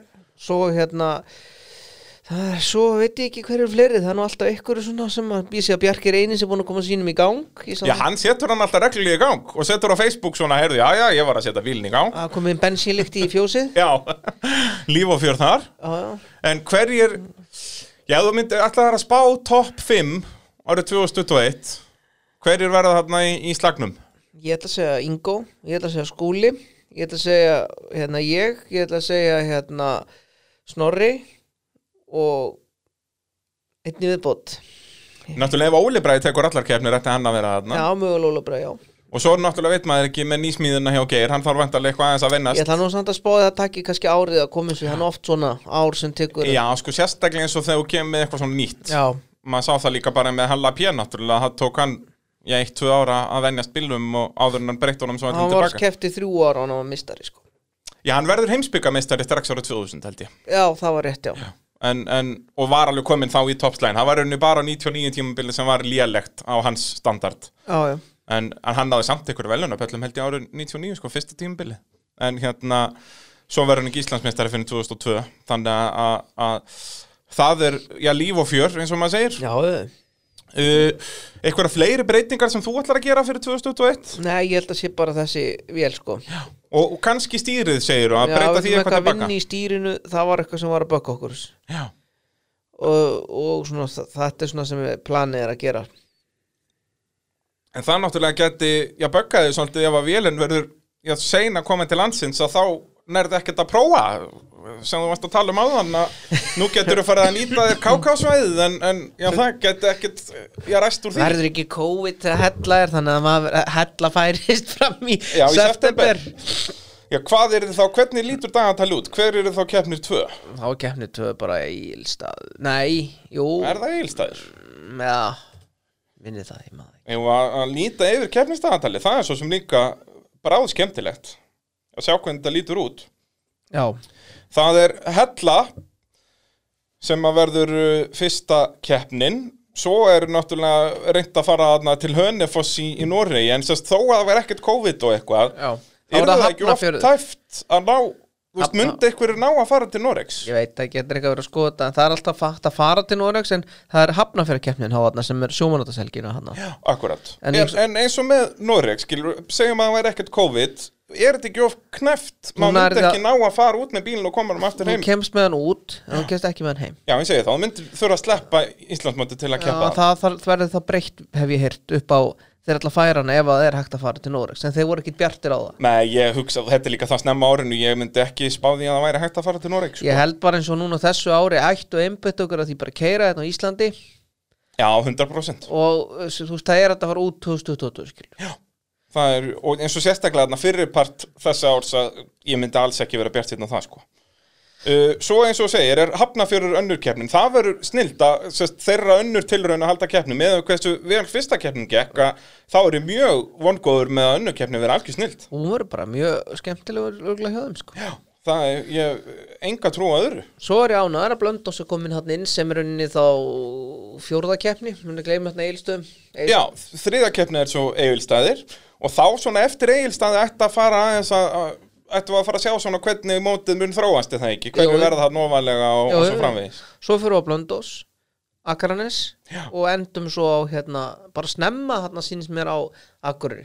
Já, það er alltaf torfæri tímbili er yfirleitt búið þarna bara miðjan ágúst sko, sem er bara mjög fínt. Það er mjög þægileg að hafa þetta bara svona nokkuð þjátt prógram yfirleitt bara tvær vikur á milli eða eitthvað og, og, og bara, bara næs. Já, uh, eins og segir, Blöndós komið aftur inn það verður fjórðaumferðin það hlýtur að, að glæðja þig. Það, þú, þér gengur alltaf vel á Blöndós gengur vel, vel á Blöndós eins og við tölum um þú náði þínu fyrsta palli hann 2015 og vinnur hann svo 2019 þannig að- að það þýðir ekkert annað en fyrsta sendi þar. Blöndós er mjög fínt svæði sko. Já, Þetta er svona öðruvísi svæði. Stutt og börð og, brekkur. og eins og við tölum um áðan að- að keppnin hann 2019 að voru með stuttar brautir. Kannski halda þær áfram með það. Mér finnst það alveg gaman að breyta þess aðeins til. Já, mjög gaman að kera þarna og stóð aldrei laði bara geggja brautir þarna síðast og Akureyringar þetta var bara ógeðslega skemmtilegt að keppa þarna. Já, akkurat. Uh, Mundir þú vilja breyta það kom upp smá umræða á Facebook sá ég fyrir einhverjum vikum síðan með að breyta tímabilinu sko að hafa fleiri tveggjadaðakeppnir á Íslandi. Hvað finnst þér um það? Ég er bara bæði hlindur og ekki hlindur Mér finnst náttúrulega að það er alveg Ég skil, ég skil vel þá sem er að koma langt að Það er náttúrulega miklu hagstæðar að keira tóta heldur neitta og, Mm. En mér finnst líka ólega það held að fara austur að því ég lít nú á þetta sem er frí líka. Maður fara á eilstað og keiri bara eitt og á maður svo bara getur maður gert eitthvað annað heldur en að vera bara í torfaru en þetta eru skipta skoðin í þessu. Ég er svona bara bæði með og móti Ég er svolítið samanlega þegar mér finnst að það ætti bara að vera bæði, þú veist, ekki fara ólinn í að hafa allar keppni tveggjadagakefnir, heldur að hafa kannski eina, tvær tveggjadaga og svo hann rest einstak, sko, Já. að það þarf ekkert endilega að vera, þú veist, já, þetta þarf ekkert að vera allt eða ekkert eins og maður segir.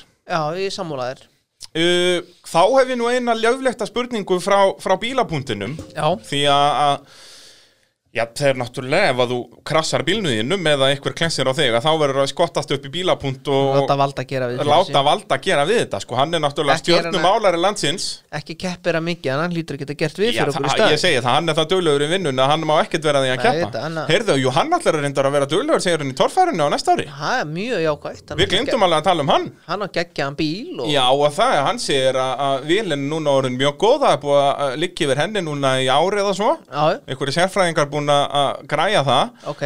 Þannig að það verður líf og fjör sko út af því að þegar að bílinn var í lægi hjá honum var, það bara með- 2015 eða ekki? 15, eh, 14 14 að þá var hann eiginlega bara alltaf á velunapalli Já, gekk vel hjá hann Þannig að ég held að hann verði ólsegur og þessi bíl er náttúrulega snilt sko bæði í útliti og, og hann virkar mjög vel náttúrulega. Gunni Trúður veit alveg hvað hann syngur. Flottu bíl, já. Heldur betur. Þannig að það verði snilt að fá valda all inn í torfærina Það verður geggjað.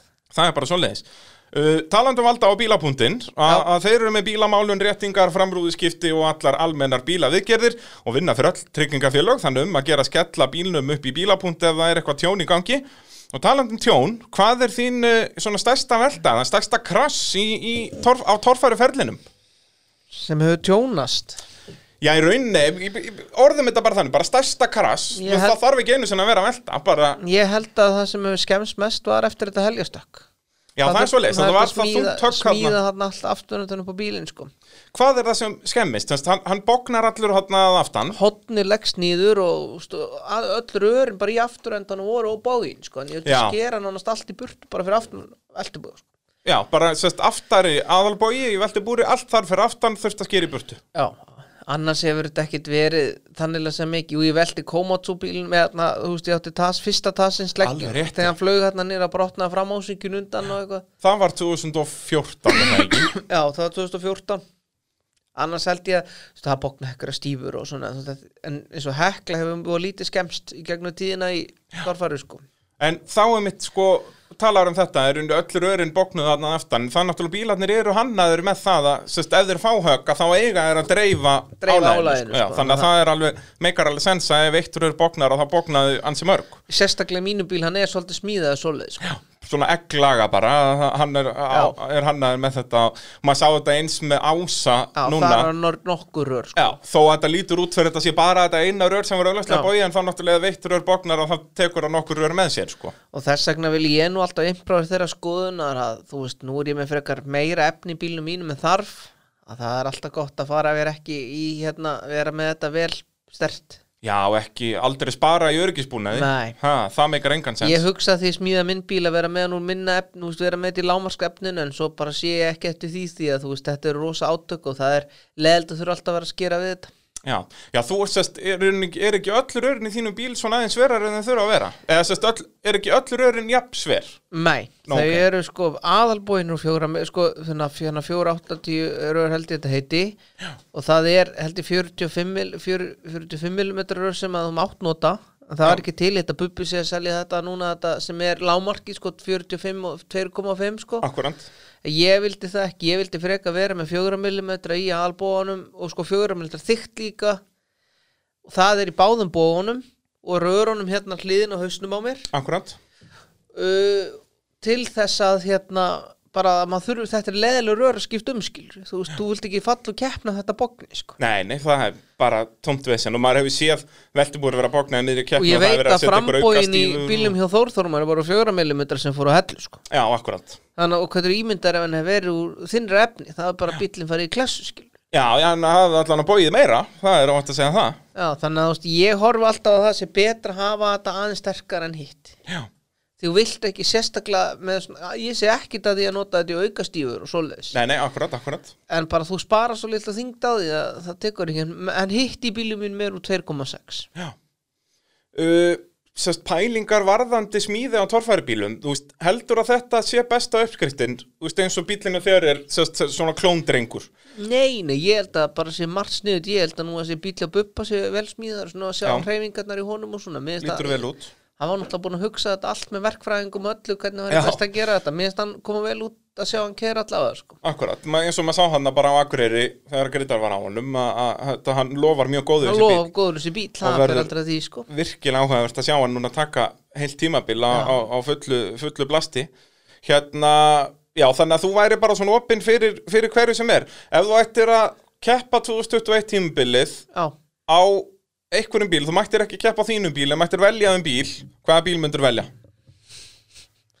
Líkur ekki beinast við að segja bara kordrengin fyrst að hann er mjög svipaður nei, ég myndi ekki vilja keppa hann. Ok, ég finnst hann bara það er alveg nokkri bílar þú veist, ég myndi frekar vilja bílni á Ingo sko. Ok. mér, finnst, mér finnst hann bara akt að horfa á þessa bíl í brekkum skilur, það er það miklu meiri fjöðrun hjá Ingo já en svona skoppa. finnst manni vera, já, hann er svona kvikar einhvern veginn kordrengurinn, sko, sem er kannski ekkert endilega betra Nei, svo, ég veit ekki, þú veist þú veist, það bara, veit ekki ég held, held já, kannski bílna Ingo Já. eða Kallan var í lægi, var nú glæðlega gaman að prófa hann eða hérna, eða Thunderbolt var líka til að prófa að kera Já, það er sérst, Thunderbolt er náttúrulega svolítið svona öðruvísi uppskrift sérst, norska útgáfan og Svo er turbína líka og... bara alveg til að prófa að keppa á kubbin Já, það er náttúrulega allt öðruvísi og það er einmitt fær Maggi stórt prigg fyrir einmitt það að prófa eitthvað nýtt Já, ég hugsa að það var mest spennandi að fara á kubbin sko. Já. Hvernig, veistu eitthvað með Magga? Ætlar hann að vera með á næsta ári? Ég ætla nú bara að ringja henni, heyrti ég um smá tíma Já, þetta gengur ekki Við höfum sko alltaf gert ármóta brennu saman en hún fór náttúrulega fyrir bí þetta Já, árið helvítis COVID Já. og hérna þannig að Maggi verður að mæta ef hann mætir í alla keppnir þá náttúrulega verður hann 100% að berast hann í fyrsta seti sko. Hann er flottur kall maður saknaði kaupsins á síðast ári sko. Kubburinn hefur bara ekkert keft núna held ég er þetta að verða tvö ár? Já, eða ekki eitthvað svo, nei, kefti hann ekki eitthvað 2019 eða var það Nei, 2018 sem 18. að, já, það var 18, það er rétt og þetta er náttúrulega ferlegt að að missa kaupin út við fáum stormin í staðin, við fáum alltaf smá fjóra sínlindar hljóð Já, en hvað, það er spurningan honum áttur að ganga Er ekki alltaf verið að gera eitthvað að bæta þar? Jú, m- sko, við tölum nú aðeins um þetta hér í síðasta þætti minni mig þegar þú varst hérna, sko, 2020 tímabilið átt að vera svona tímabilið hans Arons að undirbúa sig vel og eitthvað en það bara gekk lítið hjá honum. Bara ekki neitt í miður, skilur lendir í bara bilun á eilstöðum með það ekki, Jú, jú. hann er ekki að klára þá keppni Það ég mun svolítið leilt, já, mér finnst nú Aron bara búin að reyna að standa sér rosa vel í þessu og gera góða hluti en svo bara einhvern veginn alltaf gengur ekki neitt, sko, svona svolítið leiðilegt, sko. Akkurat, en það er allan að verið að skvera bílinn allan núna og búið að mála hann og gera hann græja Já, já, Þannig að það verður áhugavert á, á næsta ári. Hann geti alveg farið að blanda sér í innan toppslag. En slagur verður náttúrulega dásamlegur, bara miða við ykkur þrjá sem voru að berast á toppnum, eða fjóra í rauninni, það er alveg hægt að senda ása inn í, inn í það já, já, batteri. Plus og að Óli Bragi og Snorri munu bætast inn í það, sko. já, svo veit maður aldrei hvað gummi og ljóninu ætlar að gera, ætlar hann að Ú, heyrðu, já, það er náttúrulega synd og skömm líka, hann sé ekki að Það er mæta nú bara einn ein mjög góð toffari bít sem situr bara inn í skúr Já, það er það ekki bara svona smíðarlega síðan er þetta bara eitt besti torfarbíl landsins. Hann er mjög flottur Hann er alveg dásamlegur. Synd og skömm að að gummi og gummi náttúrulega frábæra ökumæður. Svo er náttúrulega bara við förum yfir þetta Svo er náttúrulega Jippi vinnur okkar Hann er að setja LS vél í sinni Já, alveg rétt, losa sig við hérna turbódæmið og skella bara gamla góðan LS Já, meðan í dró. Já, þannig að hann verður, já, hann mun bóttið bæta sig. Það er, Já, þetta geti ekki annað gest eftir. Já, þetta gekk ekki alveg nú vel en kannski skynarlega líka fyrsta Svo er náttúrulega vikingurinn, hann er komið LS og virkaði náttúrulega bara fínt að inn í hafnafyrði Já, náði velunapall í síðustu Já. umferðinni. Það er alveg mjög gott sjátt að, að vera gaman að sjá hann í, í slagnum á, á topnum Svo er spurning með á í vík og ótemjunu hvað- hvort að ótemjan verði er stilt og Já, nú eru þeir bara komin á fullt í rallið Það var bara verið að kaupa sér rallybíl og eitthvað Hann vonandi keppir bara í bæði og rallycrossi líka bara Keppi í þessu öllu saman já, allt saman Það er eina vitið. Já. En já, það er náttúrulega synd og skömm hvað ótíman hefur verið leiðileg undanfærin ár.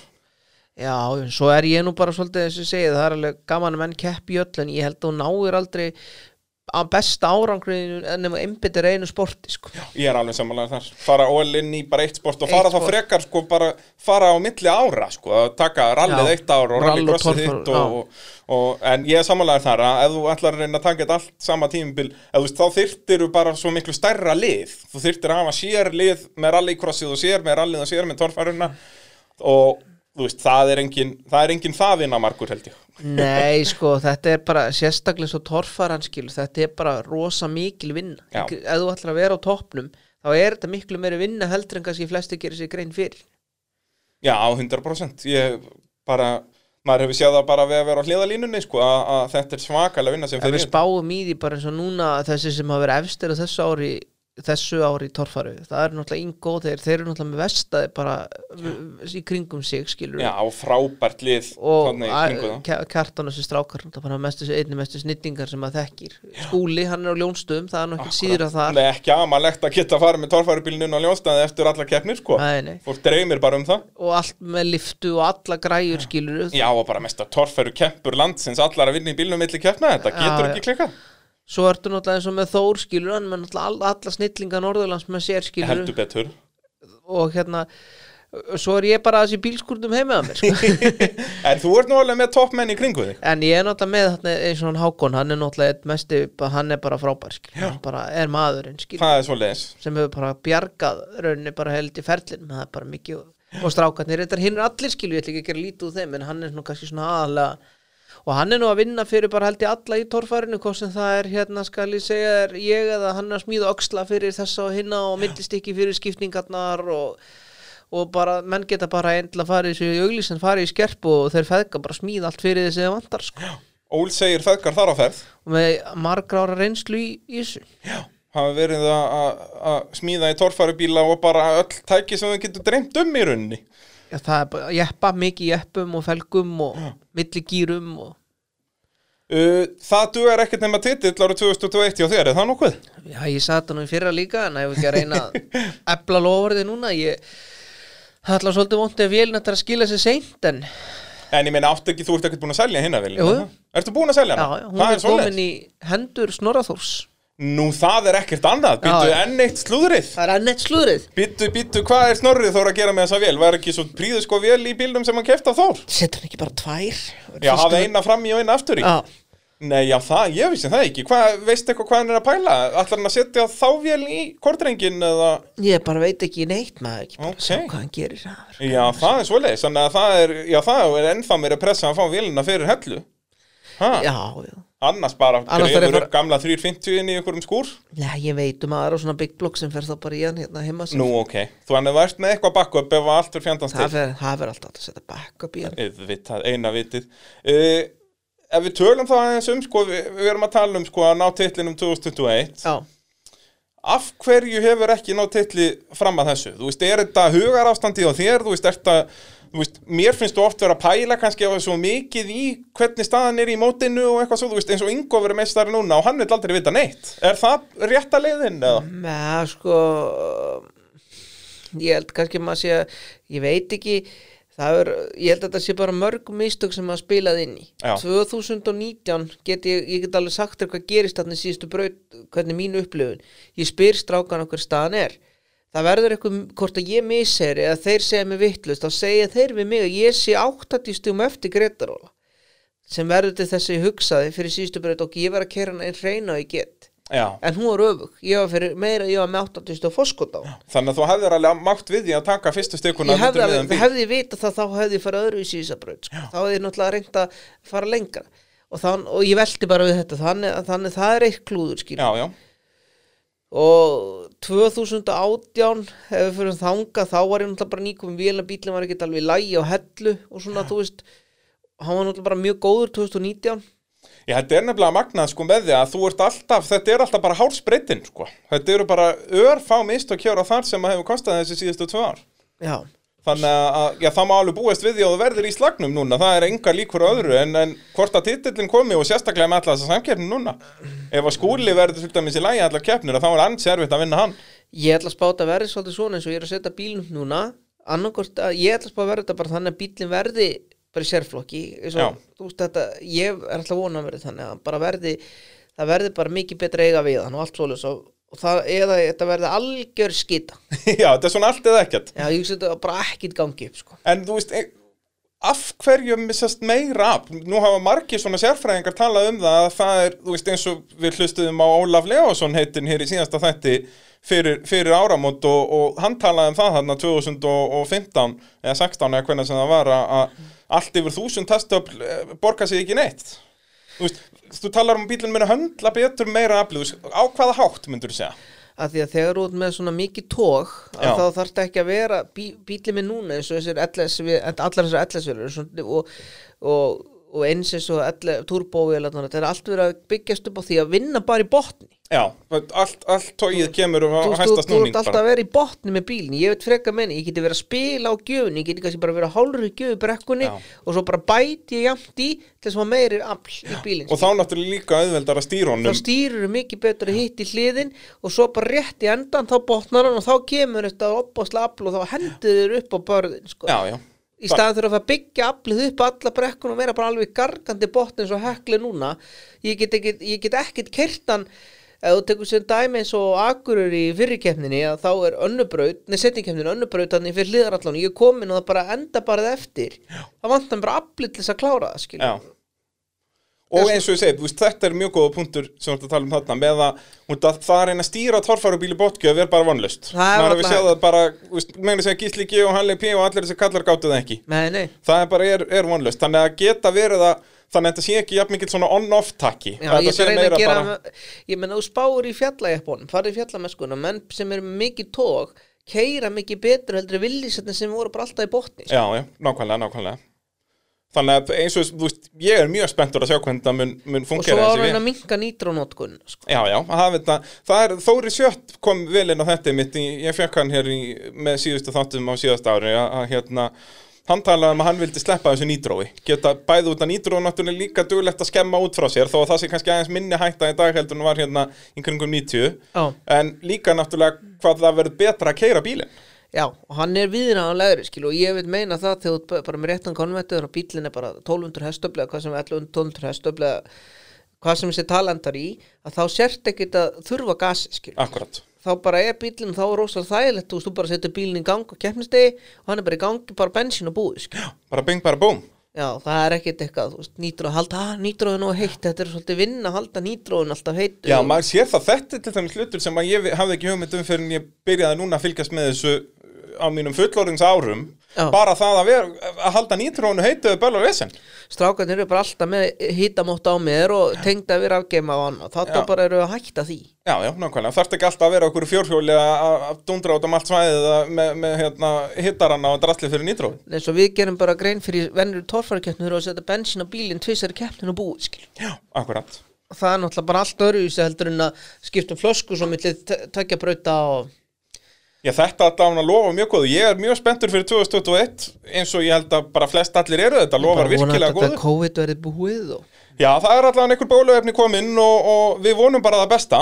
Já, já, það þýr ekkert annað. Þetta verður bara spennandi tímabil framöndan og, og, og gaman að sjá þróununa bara í sportuna mikið að gerast og margir nýjir og margir, þú veist bara mikil, mér finnst vera mikil aukning. Já, og, og já, já toppslagurinn, þetta verði eitthvað 6, 7, 8 bílar að berast þarna, þetta verður dásamlegt. Já, þetta er svolítið breytt en þetta var. Miklu fleiri sem eru að vinna toppnum en var hérna áður fyrir sko. Já, og vonandi fáum við núna aftur 6 keppnir inn þannig að þetta verður bara langt og gott mót og, og hörku slagur, þetta bara getur ekki klikkað. Þetta er bara uppskrift að gegja í sumri. Það er bara svoleiðis, það er búið að vera frábært að fá því í spjall, hugum minn. Já, þakka bara fyrir. Og uh, já, hlustendur góðir, takk fyrir að hlusta á þessu nýja ári og við vonum að 2021 verði alveg geggjað og uh, já, þangar til næst, bless bless